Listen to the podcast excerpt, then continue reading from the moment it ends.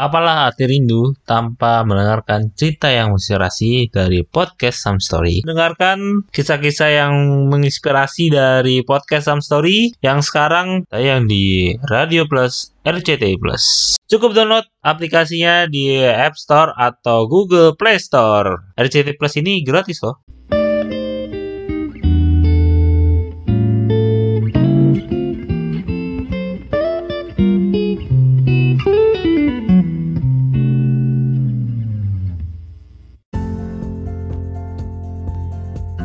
Halo, balik lagi di uh, podcast Some Story, sebuah cerita yang menginspirasi dengan gue Adam. Dan gue Acila, seperti biasa kita akan membahas topik-topik yang dekat dengan teman-teman yang mendengarkan podcast Some Story.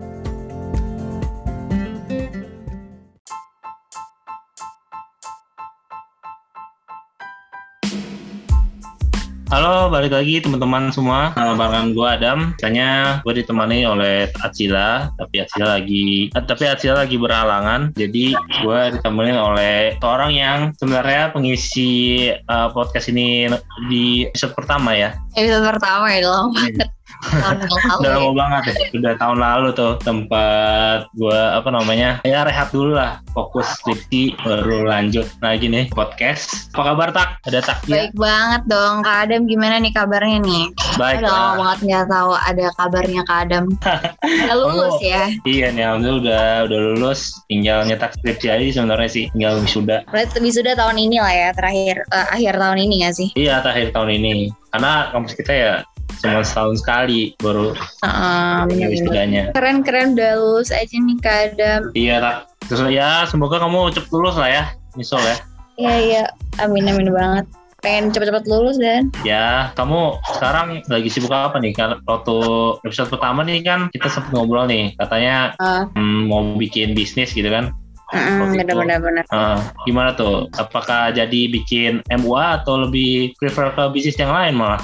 Kalau aku sih lebih ini kan, aku tuh eh, gara-gara pandemik awal tuh akhirnya aku kan di rumah kan, jadinya aku sering masak. Terus jadi kayak eh, apa ya hobi baru aku tuh masak. Terus kayak ternyata aku tuh suka gitu loh sama masak. Terus kayak coba-coba eh, makanan-makanan yang baru kayak gitu. Dan akhirnya aku buka bisnis cookies, cookies. Terus kayak dessert box kayak gitu-gitu sih. Namanya Akibara Box. Hmm, Karena sih lagi sibuk itu, lagi sibuk eh, jalanin bisnis aja Akibara Box sama kuliah. Terus di, di sisi lain aku juga apa lagi sibuk ini sih jadi apa menjabat sebagai duta genre gitu. Ada ada Oke, lagi apa ada nih? ada apa namanya? Kamu tuh apa ya? Apa gelar baru ya kemarin waktu itu duta Jepara ya kalau salah apa?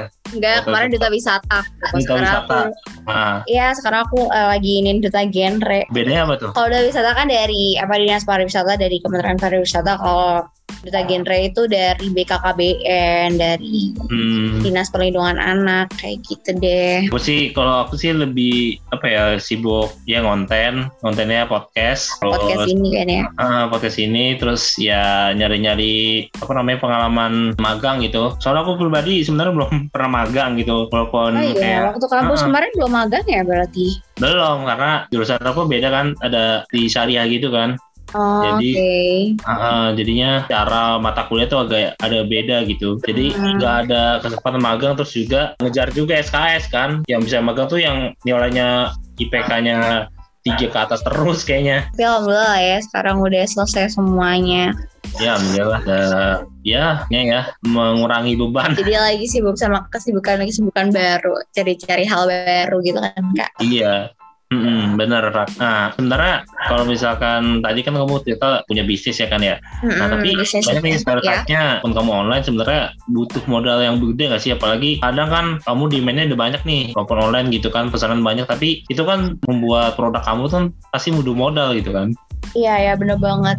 Iya aku tuh soalnya kan emang mau upgrade gitu loh kayak bikin eh, biasanya kan aku kayak soft cookies kayak gitu-gitu terus kayak dessert box yang kayak wrapnya itu kalau misalnya di, dikirim ke luar kota lama-lama itu kayak nggak bisa lama gitu kan apa namanya terkendala sama kualitas produknya kalau nggak bisa tahan lama. Jadi kayak aku mau upgrading yang kayak lebih ke snack gitu jadinya kayak yes yang uh, versi snack kayak gitu kak Adam. Jadi kalau menurut aku kalau modal sih jatuhnya ya ini sih ya kayak misalnya ngurusin kayak teh kayak gitu-gitunya sih for like kan harus banget ya kalau misalnya kita tuh uh, bikin bisnis baru itu kayak bukan cuman modal doang ya sih? Kayak uh, punya skill pendukung kayak marketing, manajemen, kayak gitu ya nggak sih kadang? Hmm, iya sih. Sebenarnya kalau banyak banget yang stereotip kalau misalkan ya bikin bisnis tuh harus punya skill manajemen, marketing dan sebagainya gitu. Tapi banyak juga sih yang kayak pebisnis, pebisnis sukses gitu, yang ya nggak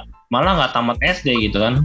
Jadi bener. mereka memanfaatkan sebenarnya skill orang lain untuk uh, membesarkan bisnis mereka gitu sebenarnya. Hmm, nice sih ya Mhm. benar-benar banget sih kak. Terus aku juga sering lihat ya kayak kan bisnis tuh banyak banget kan sekarang tuh apalagi kayak di masa pandemi ini tuh kayak bener-bener kayak pokoknya tuh kayak everyone punya bisnis gitu. Tapi tuh kebanyakan tuh kayak ngikutin tren pasar aja. Terus kalau misalnya pas trennya udah hilang tuh ya udah hilang kayak gitu aja tuh kayak gimana sih keadaannya sih? Iya bener, termasuk aku ngerasa ya termasuk bisnis kamu tuh yang banyak banget ya yang kue-kue gitu loh. Iya ya benar-benar banget. Oh iya banyak banget. Itu banyak banget yang kue-kue kayak gitu tuh. Cuman kalau makanya aku tuh kayak lebih mau ke upgrading kayak lebih ke snack kayak gitu kadang. Hmm, ya soalnya kalau misalkan bisnis yang nggak ada diferensiasi susah juga sih bersaing karena di awal pandemi ya aku jujur aku udah ngabisin mungkin 1,2 juta hampir 2 juta mungkin buat nyobain kue-kue yang ada di pandemi gitu riset gitu benar-benar kayak aduh coba eh, muncul nih teman aku buat teman aku yang ini Eh, buat muncul kayak- di story-story Kayak terus tuh. semuanya pasti buat kue-kue Ah, kayak ah. gitu kan. Jadi Iya, kayak bener banyak banget pilihan kita kalau misalnya Heeh. kayak pengen cobain kue ini, kue ini punya si ini, punya si itu gitu kan kadang. Iya. Jadi kayak ya kayak semua orang kayak hampir jadi kayak ikut-ikut kayak kemarin ada apa namanya kayak lagi trennya apa dessert box terus kayak everyone uh, bikin dessert box kan. Hmm, bener sampai ada yang mungkin udah buat toko sana kayak Bittersweet by Najla gitu kan ada Iya, beberapa benar-benar. lagi eh, yang udah berawal dari sosial media doang gitu kan Ah, Hmm. bener banget kadam. Kayaknya langsung aja deh kadam. Kita tuh tanya tanya sama kakak-kakak yang udah berpengalaman dan juga udah expert di bidangnya masing-masing ya masih kadam.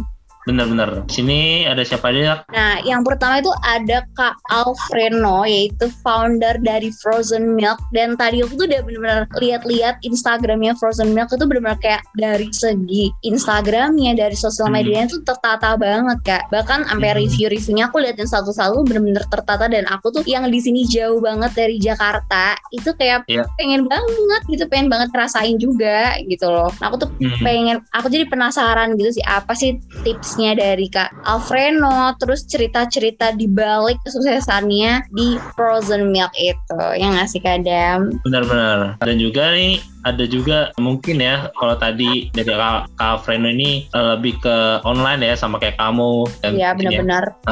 Nah, ini ada Kak William, dia juga seorang pebisnis juga. Nah, itu punya namanya bakso gepeng mantul namanya. iya benar-benar Kak tadi aku udah lihat-lihat juga kan terus Mm. kayak ada apa bakso-bakso yang ada kejunya juga nggak sih Kak Iya benar jadi ada pengen kejunya. cobain juga jadi kayak gak, variannya tuh macem-macem kan jadinya Benar banget, benar banget dan juga eh, non MSG tak. oh iya Mm-mm. wah keren banget sih Dan pastinya halal ya, pasti. iya sih Kak Afreno dan Kak William apa kabar? Halo, selamat malam. Halo, halo, halo. Halo, Halo. selamat malam Kak William dan Kak Freno. Lagi Ya. sibuk apa nih? Lagi Ini kakak, dan ada oh iya. Lagi sibuk apa nih kakak Alfredo dan Kak William? ya salam kenal. Aku Alfreno, mahasiswa UGM angkatan 2018. Kesibukannya ya sekarang menjadi mahasiswa biasa pada umumnya dan yang pasti sekarang berkecimpung di bisnis kecil-kecilan lah namanya Frozen Milk by Algendas. Halo, selamat malam, Takina. Selamat malam Kak. Halo, malam. Uh. Takia, sorry. sama Mas Adam, sama Mas Alfreno. Selamat malam. Ya, saya William, owner dari Bakso Gepeng Mantul. Sibukannya sekarang ya ya di bisnis ini sih ada beberapa bisnis juga, cuman saya fokusnya di Bakso Gepeng Mantul. Mungkin kan eh, Mas Rafreno sama Mas William dan juga Takia kan ini ya, apa bisnisnya eh, makanan gitu. Emang sebenarnya awalnya itu emang eh, bisnisnya tuh dari makanan favorit kalian atau gimana nih? Eh, Imunitis. Ya kalau saya sih ya memang berawal dari hobi sih, hobi memang suka makan bakso, jadinya kecemplung di dunia ini juga gitu. Berawal awalnya sih dulu kita ada satu tukang bakso itu Oke. langganan saya. Jadi awal-awal saya suka makan bakso di sana, terus beberapa tahun kemudian ketemu lagi dan dia ngajakin bikin bakso. Nah itulah awal mulanya. Hmm, oke. Oh, Berawal dari, dari apa suka makan hobi. bakso ya, hobi. Iya bener-bener. Iya. Jadi Hmm. kayak nggak cuma hobi bikin bakso tapi hobi makan bakso. Yang penting suka aja dulu gitu nggak sih Kak William? Iya betul betul. Jadi di saat kita dulu. suka kan jadi kita tahu yang yang jadi standar itu seperti apa. Terus sebelum Kak William ini mulai bikin ba- bakso, bakso gepeng gitu, Kak William itu kayak kadam tadi ya, coba-coba semua bakso-bakso atau kayak emang suka man baksonya itu itu aja gitu yang dirasain apa semua itu Kak Kak William tuh sering coba-cobain gitu nggak sih Kak Oh, sebelum pasti. bikin nih? Pasti. Cuman kalau berawal kan kita memang suka. Jadi memang sudah banyak bakso yang dicobain, ya kan. Cuman setelah itu kita palingan riset sih. Kita pasti riset ke market Hmm? bakso mana yang bisa masuk ke kal- satu kalangan ini gitu. Berarti target marketnya itu eh, satu kalangan tuh kayak gimana sih Kak William maksudnya? Hmm, ya kita mesti targetin dulu sih kita mau bermain tuh di market mana. Jadi kan ada menengah, menengah bawah, Hmm, menengah benar. atas. Kita mesti targetin dulu kita mau main di target market yang mana gitu. Nah setelah itu baru kita atur strateginya seperti apa. Kalau dari aku ya berawal dari aku suka banget satu es krim di New York itu tuh. Itu awalnya lah. Oh di Oh, New York, Amerika. Iya, jadi pada saat itu aku lagi liburan, terus aku cobain es krim, terus mikir kan, wah enak banget nih es krim. Terus mikir-mikir New York jauh juga ya, Mas Iya. dan Mbak di, sekalian tuh jauh, cukup jauh. Jadi nggak mungkin kita tiap minggu ke sana cuma untuk makan es krim. Benar-benar. Jadi ya dari situ aku pulang balik ke Jogja dan aku ngerasa daripada aku harus menikmati sendiri untuk terbang ke New York, kenapa nggak miripin gitu yang ada di sini. Tapi Hmm. ketika itu aku banyak research and development dibantu dengan teman-temanku juga. Salah satunya Karenata Muluk. Karenata Muluk tuh ikut ngebantu juga berperan lah di sini. Jadi ketika kita mau bikin es krim pasti banyak lah es krim es krim mulai dari Haagen-Dazs, Baskin Robbins dan segala macamnya. Tapi di sini aku akhirnya menemukan satu cita rasa baru namanya frozen milk. Nah, orang-orang masih bingung apa sih itu frozen milk? Secara singkat frozen milk ini paling sehat daripada es krim-es krim lainnya lah. Keren. Ketika ketika frozen milk itu hadir ya frozen milk by Haagen-Dazs ini adalah pionirnya di Indonesia. Kenapa? Karena secara komposisi pun kita lebih berat di susunya ketimbang krimnya. Jadi ketika dimakan ya guilt free lah, nggak akan ada rasa ah gendut nih gitu-gitu. Jadi ya secara komposisi lebih sehat, terus secara rasa pun kita udah infuse dan kita tambahin topping lagi untuk apa ya? Ibaratnya kalau slogan aku tuh taste buds roller coaster. Jadi apa yang kalian Wow. rasakan itu pontang panting rasa lah gitu. Oh my god, aku seperti kayak nggak sabar sih cobainnya. Jadi seperti itulah untuk Wow. awalan kenapa frozen milk itu diciptakan during pandemic ya. Karena itu. I see. Menarik, menarik. Langsung di order kayaknya langsung nih. Bisa Langsung, langsung pengen, aku langsung pengen order langsung nih ke Adam beneran deh. Langsung ke, or- ke apa ke Jepara bisa nggak mas? Tahan nggak? Kalau? Jepara belum Jepara. Belum, bisa ya, belum karena kan frozen milk. Jadinya cuma milk Oh, iya. kalau sampai Jepara tuh. Ntar aku order tapi yang cobain teman-teman aku aja sih. Ntar aku cobain beliin ke temen aku. Boleh dengan senang hati. Kayaknya bener-bener kayak menggugah banget nih frozen milknya nih. Aku tadi tuh bener-bener kayak bingung gitu kan frozen milk apa ya? Oh ternyata bener-bener ice cream gitu. Secara singkat ya kita derivatif terbarunya sebuah es krim lah Hmm. yang ada di pasaran. Tapi selain itu juga aku ada subsidiary produk seperti cookies juga sih. Oh, I see, I see. Oh, mirip lah ya sama aku. Aku juga case juga nih kak. Iya, Alfredo. cookies seru dan paling gampang dibuatnya daripada frozen milk lebih gampang cookies buat. iya bener-bener aku juga ingin cookies sih sama sama kak kak Alfreno tapi tadi waktu aku dengar dari kak Alfreno nih kak Alfreno bilang katanya eh, kak Alfreno tuh pengen ngeciptain rasanya itu yang kayak dibawa kayak roller coaster gitu. Tapi ternyata tuh value-nya itu bukan cuman itu ya kayak value-nya ternyata frozen milk ini juga kayak buat diet atau low fatnya nggak sih kak? Ya, in general sebenarnya frozen milk ini dessert yang nggak terlalu dosa lah ke badan gitu. I see. Gak terlalu Dosa, bahasanya lah dosa ya. ya sekarang kan health conscious people makin banyak jadi ya kita harus menyesuaikan kepada market ya. Mungkin ya sekarang kita terlalu niche tapi lama kelamaan orang udah ke expose dengan produk frozen milk ini ya pasti akan menjadi suatu habit juga sih. Aku ngincernya di situ. Membuat frozen milk itu fuel consumption kepada orang-orang. Hmm. Wow, keren banget nih kak. Sekarang tadi Mas Afren lu bilang gimana ceritanya bisa uh, Kak Renata Muluk bisa ikutan di dalam meriset produk Mas Afreno? Simple, simple banget. Karena temen, itulah mungkin ya kita harus jadi orang yang baik ke semua orang ya. Jadi banyak orang yang bakal bantu. Nah ketika itu aku lagi satu acara sama Kak Rena dan ternyata aku lagi bawa produkku. Nah dari situlah dia ngobrol yang oh ya ini bisa segala macam. Kenapa nggak buat frozen milk suatu derivatif dari es krim ketimbang bikin hal yang mirip kayak di pasaran sekarang. Habis itu sering ngobrol lah intinya. Lumayan apa ya, kayak udah ditakdirin gitu ya, bisa gitu ya kebetulannya. Kadang kalau bikin bisnis ya ada faktor lucknya juga nih, kayak kalau misalkan nyari tempat juga nih apa ya kalau orang Cina tuh biasanya Feng Shui. ah ya feng shui-nya bagus gak nih gitu kan Iya kayak gitunya lah, kayak gitunya. lah. Feng Shui itu akan hadir ketika kalian menjadi orang yang baik. Gimana Bro William? Mungkin lebih paham. Iya gimana nih Kak William?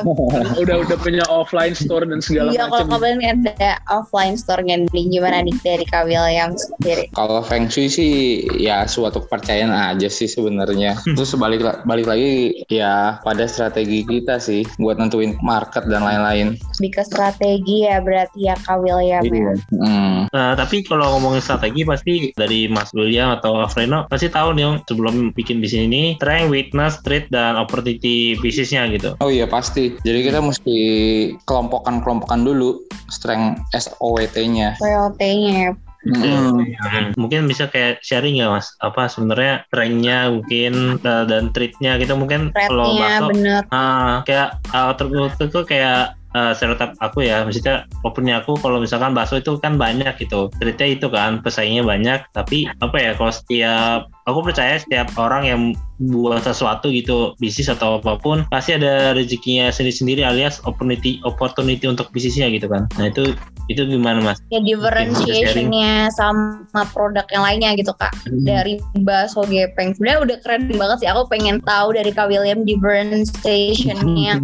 Bener-bener kakak eh, pe- unggulin tuh kayak gitu apanya sih Kak perbedaannya? Nah, ya, ya sebenarnya sih bisnis makanan sih simple ya, karena kan kita kan yang paling penting tuh makanannya rasanya enak, kebersihannya kita jaga, staffnya kita jaga juga, quality control produknya sih yang paling penting sebenarnya. control. Hmm. Terus setelah itu ya diferensiasinya, inovasi sih sebenarnya. Ya kayak Mm, Jadi berawal dari keresahan juga susah cari makan. Kita misalkan kita cari kedai bakso yang bener-bener quality control kebersihannya dijaga dari staff-staffnya itu ya lumayan susah sih. Lumayan Apalagi- susah ya. Hmm, apalagi untuk harga yang misalkan eh, standar lah di di rata-rata. Kalau misalkan kita pergi ke mall dan lain-lain kan harganya lumayan juga gitu. Jadi kita kita bikin tuh di situ. Jadi dengan harga yang standar, kualitas yang bagus, kebersihan itu sih sebenarnya yang kita jaga untuk di bisnis makanan basically-nya seperti itu. Nah, untuk ke depannya sih baru kita bikin lagi nih eh, dikerucutin lagi nih eh, strateginya seperti apa marketingnya dan lain-lain branding contohnya terus apalagi online zaman sekarang kita mesti melek banget nih sama Benar online ya. Walaupun iya karena offline itu kan ya lumayan banget terdampak ya di pandemik ini ya Hmm. gitu kalau bro bro Alfreno gimana nih SWOT nih ya. Udah kayak kuliah nih kita nih. Kalau ngebreak Kuliah malam nih. SWT. Kultum-kultum Apa, habis lapangan? terawih nih. Oh iya, aku tunggu habis Kalau dari aku, strength-nya yang pasti ada satu hal namanya unique selling point ya. Kalau kita berbisnis, jadi mungkin aku harus menekankan bahwa unique selling point setiap produk itu harus benar-benar bisa nge-attract consumers gitu. Nah, Nice. mungkin bakso gepeng dengan namanya dan frozen milk dengan produk barunya itu adalah satu unique selling point kita untuk di marketing lah gitu. Dan ketika Betul, kita bilang threat pasti threat itu adalah semua kompetitor yang ada. Semua yang ada di pasar itu adalah threat. Kalau seandainya opportunity itu yang tadi aku bilang basically itu akan datang secara luck. Jadi luck lah itu opportunity. Tapi Opportunity is love. Ya luck Ya. itu nggak bisa cuman sekedar kita diem doang. Luck itu harus diusahakan juga. Jadi mau Diusahakan. punya produk sebagus apa pun, tapi kalau kita nggak berusaha ngejualin ya nggak kejual juga, Mbak Mas di sini ya Benar-benar. kan.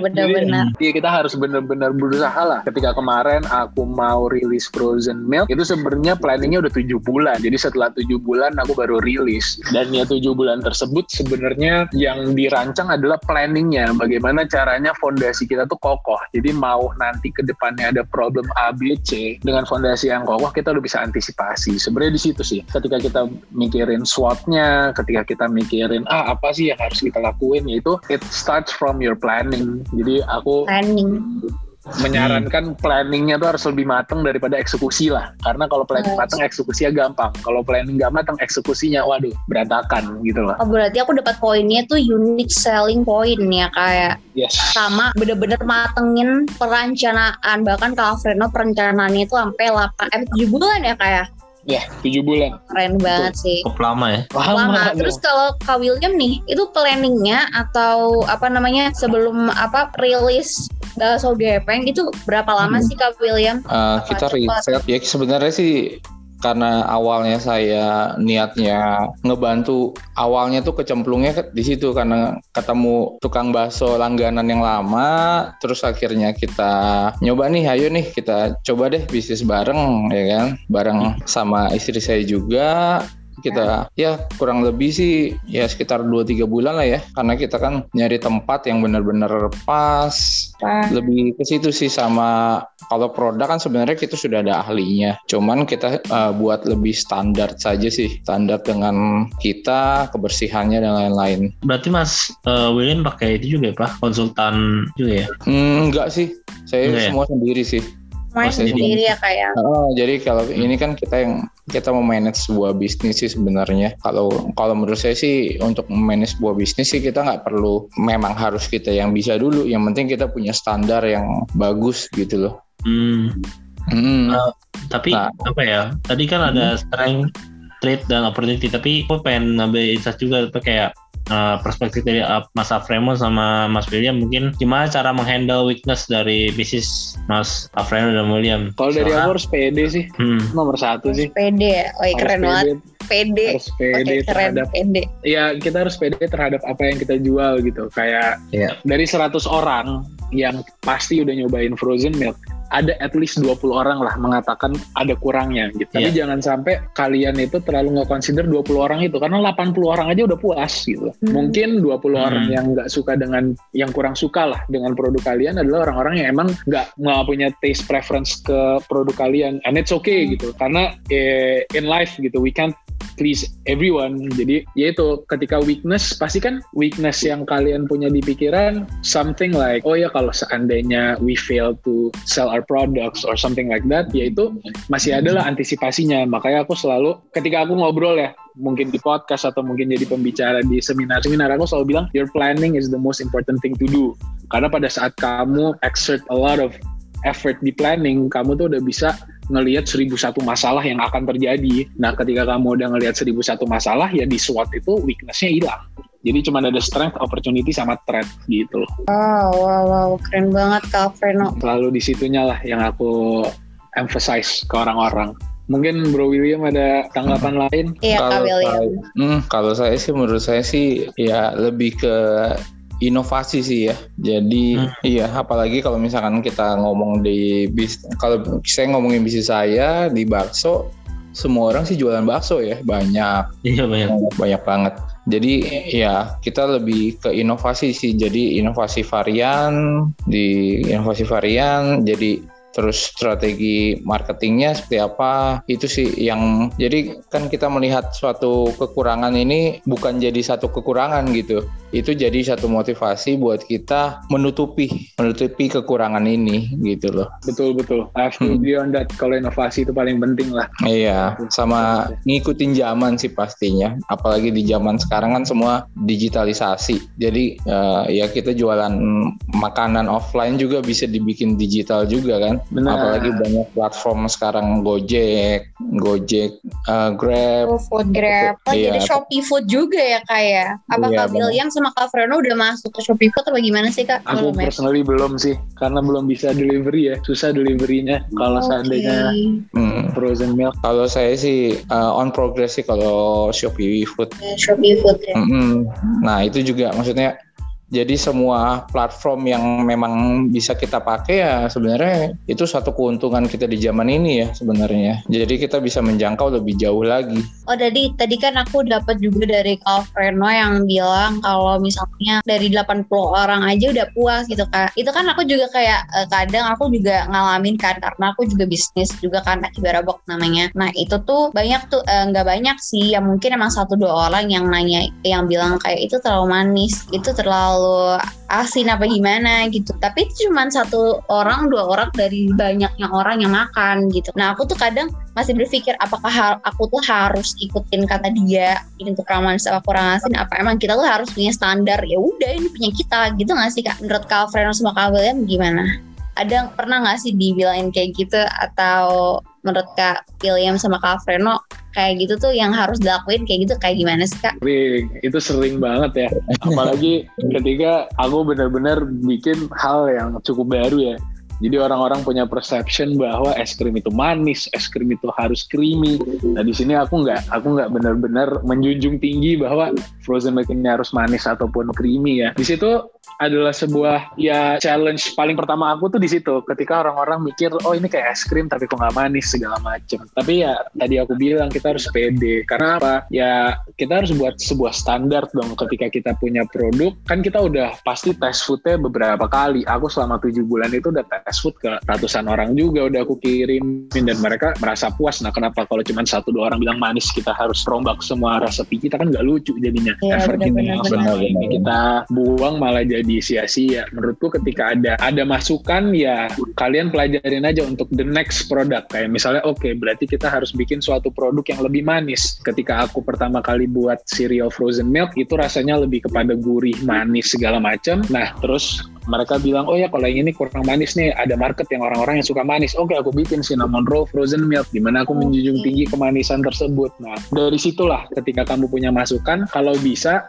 ketika kamu udah pede dengan produk pertama kamu ya kalian pakai masukan tersebut untuk produk kedua kayak gitulah jadi Oke. it's it's a room for you to improve not for you to change gitu Oke, to improve not to change yang udah ada. Keren banget Yes. sih ini. Keren banget Kak. Terus terus Kak, kan tadi kan Kak Adam dari uh, awal nih, kan tadi kan bilang katanya banyak nih orang-orang luar sana itu yang udah sukses banget tapi emang dia lulusan SD kayak gitu gitulah pokoknya. Hmm. Nah, menurut Kakak sendiri, Kak William sama Kak Freno tuh uh, stereotype itu harus punya skill pendukung gak sih kayak marketing, manajemen dan kayak finance. Itu emang satu orang tuh harus punya semuanya dan harus menguasai semuanya atau gimana sih Kak kayak gitu? nah Bro William dulu lah sebagai senior Ya. udah udah Dari mapan Kak William Gimana dulu nih? nih. nanti dari saya yang hanya mahasiswa biasa ya. Ya sebenarnya sih lebih ke ini ya kalau misalkan untuk uh, bisa semua ya ya nggak mungkin karena kita kan bukan permain juga ya. Iya, Kita benar. tetap betul betul kita tetap punya harus punya super team kalau menurut saya sih. Jadi ya lebih kepada kita tahu dulu as a entrepreneur kita mesti tahu dulu basicnya leadershipnya dan lain-lain untuk masalah nanti purchasing dan lain-lain ya kan? Kita harus punya tim sih sebenarnya. Jadi kita pelan-pelan memang mesti bangun uh, lebih kepada super team ya kan? Untuk ini sih kita tetap sih mesti harus belajar terus. Sampai sekarang kan kita semua juga mesti harus belajar. Jangan pernah ber- berhenti untuk belajar sih sebenarnya. Karena ya dunia bisnis ini tiap uh, hari berubah terus. Demandnya dan lain-lain itu semua berubah terus jadi kita tetap harus belajar punya super team itu sih menurut saya sih. Tim, super tim sama belajar ya kuncinya. Iya belajar terus sih Keren. itu jangan pernah berhenti karena dunia ini terus berubah kan Ya bener-bener. Kalau Mhm. dibilang mah kita tuh kayak di era fuka kan kak, yang dunia itu serba kita tuh nggak tahu nih besok itu kenapa, kayak serba nggak pasti betul. kayak gitu kan kak. Betul. kayak pandemi ini aja nggak ada yang mengira kan nggak ada yang mira akhirnya bisnis Hmm, bisnis itu semua berubah. benar-benar. Mm-mm. Nah, itu kayak alurnya tuh berubah banget ya. Mungkin William itu juga berarti yang di Ceger itu kan yang cabang kan Mas William punya dua cabang ya di Karawaci sama di Bintaro ya Ceger ya. Iya betul. Ah, nah berarti juga bukanya di masa pandemi. Terus gimana sih bisa nggak sharing caranya untuk menemukan tempat kan pasti targetnya gimana orang kan jarang keluar rumah gitu kan. Nah itu Hmm. itu gimana bisa dapat crowd yang bagus lah istilahnya gitu Pak. Tadi kan kalau Mas William tuh kayak aku bilang sempat nyinggung soal feng shui gitu kan. Nah itu cuma mitos lah tapi uh, berarti ada secara logika atau teorinya tuh pasti ada mungkin. Iya. Iya kalau saya sih Feng Shui ya sebenarnya saya nggak terlalu ini sih nggak terlalu percaya. Cuman ya percaya nggak Hmm. percaya aja. Cuman iya kebetulan kita Basu Gepeng Mantul nih pas masa pandemik ini kemarin November 2020 kita buka cabang sih satu di Ceger Bintaro. Hmm. Ya kita sebelumnya sih ya sesuai dengan moto, maksudnya bukan moto. Bakso Gepeng Mantul ini kita mau ngarah ke target yang mana nih? Misalkan menengah bawah, menengah apa namanya? menengah, menengah atas. Nah, di situ udah untuk menentukan satu tempat kita cari kedai offline-nya di situ untuk menentukannya. Jujur kalau misalkan bakso kepeng mantul ini dari segi harga kan kita kan main di kelas menengah menengah bawah gitu. Untuk jadi kita ya otomatis kita cari part yang kurang lebih masuk nih gitu. Nah, kalau misalkan bakso ini kan sebenarnya kan makanan semua rakyat juga ya. Jadi Iya Hmm, bener banget jadi sebenarnya untuk pasar pangsa menengah atas ini kita lebih cari di online-nya gitu. Hmm, on- online nih sebenarnya ya. oke Hmm. lebih ke online ya kayak Hmm, setelah kita ngider-ngider banyak sih opsi-opsi sebenarnya yang paling cocok sih memang waktu itu Bintaro karena crowdednya itu dapat sebenarnya ada jadi kita mesti cari tempat yang crowded banyak perumahan universitas dan lain-lain sih sebenarnya itu sih poinnya. Hmm, berarti kuncinya itu ya em, dalam crowded kalau misalkan mau bangun tempat offline gitu ya itu Hmm. kuncinya pasti ada ya yang berbau masa besar lah istilahnya kayak universitas perumahan dan itu sih sebagainya gitu ya gampang sih sebenarnya dan gampang kunci patokannya ya istilahnya pakemannya gitu atau kalau enggak depetin aja deh Indomart Alfamart oh iya itu kan Oh, bener bener-bener, yang di. Ceger itu kebetulan Indomaret sama Alfamart dekat sebelah sebelahan malah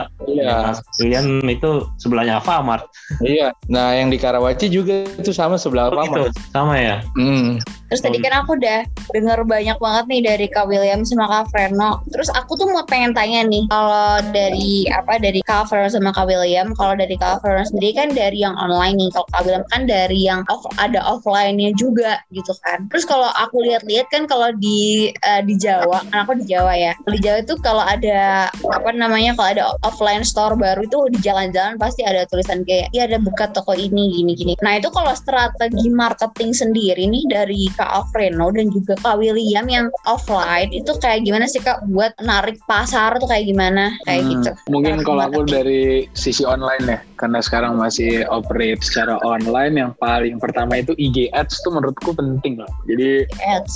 IG advertisements itu kan sekarang lagi booming boomingnya ya. Misalnya 150 ribu bisa untuk dua hari. Nah itu tuh sebenarnya suatu media yang cukup hebat juga. Karena dengan spending yang relatif murah kita bisa dapat reach yang cukup banyak gitu. Dan dan kalau di online menurutku yang paling pertama harus dibuat adalah credibility bisnis kamu. Nah credibility bisnis kamu ini kan bisa di measure dari followers yang udah ada atau mungkin dari review-review. Nah itu aku juga nggak sedikit minta orang-orang review misalnya selebgram segala macam ya aku kirimin segala segala produkku lah. Nah itu tuh sebenarnya pertama untuk exposure karena kita berbasis online exposure itu paling penting. Kedua ketika influencer-influencer gitu kan. Ya aku juga lihat nih Bataki ini juga influencer kan. Jadi ya ketika kalian Nah, mengulas suatu produk itu tuh sebenarnya penting. Penting kenapa? Karena dengan basis followers yang kalian punya, kalian udah bisa mengatakan, oh ini enak, oh itu enak. Nah itu sebenarnya nge-build credibility ke bisnis yang sedang nge-endorse gitu. Jadi pertama itu exposure, terus lewat mana bisa lewat IG ads, lewat endorsement, dan yang terakhir itu nge-build credibility dari Instagram page-nya sih. Jadi ya kalian misalnya emang mau niat, ya kalian harus niatin juga itu foto-fotonya atau mungkin temanya Lainnya. segala Ah. macam, feednya dan itu mungkin kecil gitu ya di mata orang mungkin ya it's it's a micro thing tapi it's actually not karena when you see it from a bigger picture people tend to evaluate your product from the IG page itself gitu. Jadi don't ever miss a thing. Karena teman-temanku banyak yang mulai bisnis during the pandemic terus five months after mereka close down just because ya mereka nggak kuat untuk maintain feednya atau maintain endorsementnya dan segala Iya, macam. itu menurutku satu hal yang harus kita experience sendiri sih baru tahu opportunity-nya itu apa aja apa yang harus dilakuin gitu Wih, keren banget Kak Freno. Iya bener banget Kak. Dari bahkan banyak banget orang yang mikir kalau bikin IG feeds itu tuh gampang atau kayak udah itu just a break mic- micro gitu kan. Tapi itu bener-bener kayak susah gitu kan Susah Kak. Apalagi banget. bisnis bener-bener kita Iya, susah banget kan kayak dari mikirin eh, kontennya, kita mau bikin gimana ya dari captionnya, bahkan dari kayak desainnya yang mau kita apa posting gitu kan Kak. Wah, keren banget sih dapat dari Kak Alfredo nih banyak banget. Nah terus kalau dari Kak William sendiri nih, itu kan Kak Hmm. William offline store. Nah cara Kak Iya. William strategi marketingnya Kak William ini kayak gimana sih Kak? Kalau dari Taki kan tadi ceritakan kalau misalnya di Taki tuh banyak banget kalau ada offline store tuh panjang jalan tuh ada poster atau gimana. Nah kalau dari Kak William sendiri, Bakso Gepeng itu strategi marketingnya kayak gimana sih? Eh, sebenarnya sih strategi marketing bakso gepeng mantul ya lebih ke online juga sih sebenarnya. Jadi memang kita orang zaman sekarang kan apalagi zaman pandemik ini lebih banyak megang handphone ya. Bener banget. Heeh. apalagi ya sama sih Instagram Instagram ad jadi terus yang paling penting sih review-review dan testimonial di Instagram gitu kalau misalkan masalah offline-nya sih poin kita sih yang penting kita bikin kedai yang bersih yang bagus nah saya yakin Yang eye sih catching gitu ya. Hmm, yang eye catching itu saya yakin sih semua orang pasti melihat sih. Karena orang zaman sekarang nyari kedai bakso maunya yang bersih. Karena dari sisi kecil aja seperti karyawan harus pakai masker kita pakai gloves terus ada ada wastafel ada hand sanitizer. Dari situ sih kita jadi mikirin hal dari yang dari yang wajib dulu deh gitu. Jadi hospitality juga ya Kak William berarti. Bukan cuma di marketing aja tapi emang kalau di offline store itu gimana sih cara kita membawa uh, kedai kita kayak gimana gitu kan? Dan orang tuh ngerasa aman kan yang aku dapet dari Kak William. Iya, dan keramahan staff kita. Dari situ sih menurut saya sih dari kita sama kayak yang Alfredo bilang tuh. Jadi kita plan dulu nih yang bagus nih, ya kan. Untuk satu bisnis ini nih kita kita susun dulu nih plannya yang bagus dari produk, dari tim, dari penunjang kebersihan, terus dari kedai dan lain-lain. Otomatis sih menurut saya sih eh, strategi marketing paling baik tuh sebenarnya tuh dari mulut ke mulut jadinya karena orang sudah coba mereka puas makan di sini dan mereka ngomong ke saudaranya ke temannya ngajak ngajak temennya untuk datang gitu sih sebenarnya kayak berarti emang mouth to mouth ya kayak mouth to Iya, mouth kita juga ada program kan kita kasih diskon tapi kita, tapi nanti ada posting Instagram, review Google. Oke, Itu sih penting juga. itu benar kebantu ya. Berarti emang karena posting Instagram, terus review-review orang, kayak gitu bener-bener bantu banget ya kayak. Bantu Emang. banget. Oke, karena emang aku itu sendiri kalau misalnya aku mau beli sesuatu apa gimana, aku bener-bener kayak lihat yang pertama itu review produknya itu kayak gimana gitu kan kak. Iya Orang betul. lihat orang orang ngomong produk yang aku pengen lihat, aku lagi lihat ini kayak gimana gitu. Emang itu berpengaruh besar banget sih buat consumer, buat nentuin dia mau beli apa enggaknya kayak gitu. Ya buat trust buat trust customer ke produk itu. Nice, Hmm, benar-benar. bangun customer trust. Hmm, kayaknya tadi penjelasan Mas Julian nih, ini ya, apa kayak teori-teori kuliah tuh kayak kepake semua gitu ya. Berarti anak pinter di kuliah nih. Oh, iya. Ini kayak semua anak pinter nih Kak. Freno, Kak William kan benar-benar hebat sih. Nah, Kak aku mau tanya nih, pendapat dari Kak Freno dan juga Kak William tentang stereotip bisnis itu yang ada di media sosial kebanyakan tuh ngikutin tren pas udah nggak tren tuh hilang gitu aja kan kak nah itu tuh kalau apa pesan untuk pemerintah agar perekonomian dia bisa naik lagi khususnya UMKM itu apa sih kak pendapat kakak sendiri untuk apa dan pesan untuk pemerintah agar perekonomian bisa naik lagi khususnya UMKM Ini keren ya. Ini kayak pertanyaan disisipin untuk motivasi atau gimana ini Mbak Taki? bisa motivasi kak motivasi ba- banyak hal sih kak itu Ya sebenarnya industri kreatif ini kan F&B termasuk ya, food and ya beverage F&B general banget. itu termasuk ke industri kreatif dan ya sekarang pemerintah sedang melakukan besar-besaran juga ini sesuatu yang besar lah ketika kita melihat bahwa menterinya udah baru ya kan? Menteri Kemenparekraf udah baru dan sisi aspek pembisnis di situ. Kalau seandainya pesan aku ke pemerintah sih ya monggo dibuat lapak-lapak yang lebih extraordinary lagi lah untuk UMKM ini bisa compete gitu karena sekarang during the pandemic kita juga banyak yang kesusahan secara online gitu. Nah kalau seandainya ada satu lapak yang emang mengumpulkan UMKM UMKM secara curated gitu, semisal ya pasti itu akan menjadi dorongan lah kepada UMKM UMKM dan future yang entrepreneurs kalau aku boleh bilang. Jadi ya itu mungkin untuk pemerintah ketika selesai pandemi ini bisa lah dibuat suatu lapak yang bisa mempersatukan UMKM UMKM yang sekarang lagi bersaing gitu. Karena prinsip aku ketika aku membuat frozen milk ini prinsipnya itu collaboration gitu. Di generasi kita nih, generation Keren Z, banget. iya ya Pacific itu kita menjunjung tinggi kolaborasi karena aku I did some research for our generation and I think that orang-orang seumuran kita ini lebih suka kerja sama ketimbang menang sendiri. Jadi ketika kita punya satu lapak yang cukup bergengsi dari pemerintah, nah itu akan nge-build sense of healthy competition lah terhadap sesama pembisnis-pembisnis UMKM gitu. Ih, keren banget. Jadi bukan eh, sekarang tuh bukan zamannya buat kita saling bersaing dan lain-lainnya, tapi emang kita zamannya kita tuh berkolaborasi ya sih kak. Keren Ya, banget nih. betul.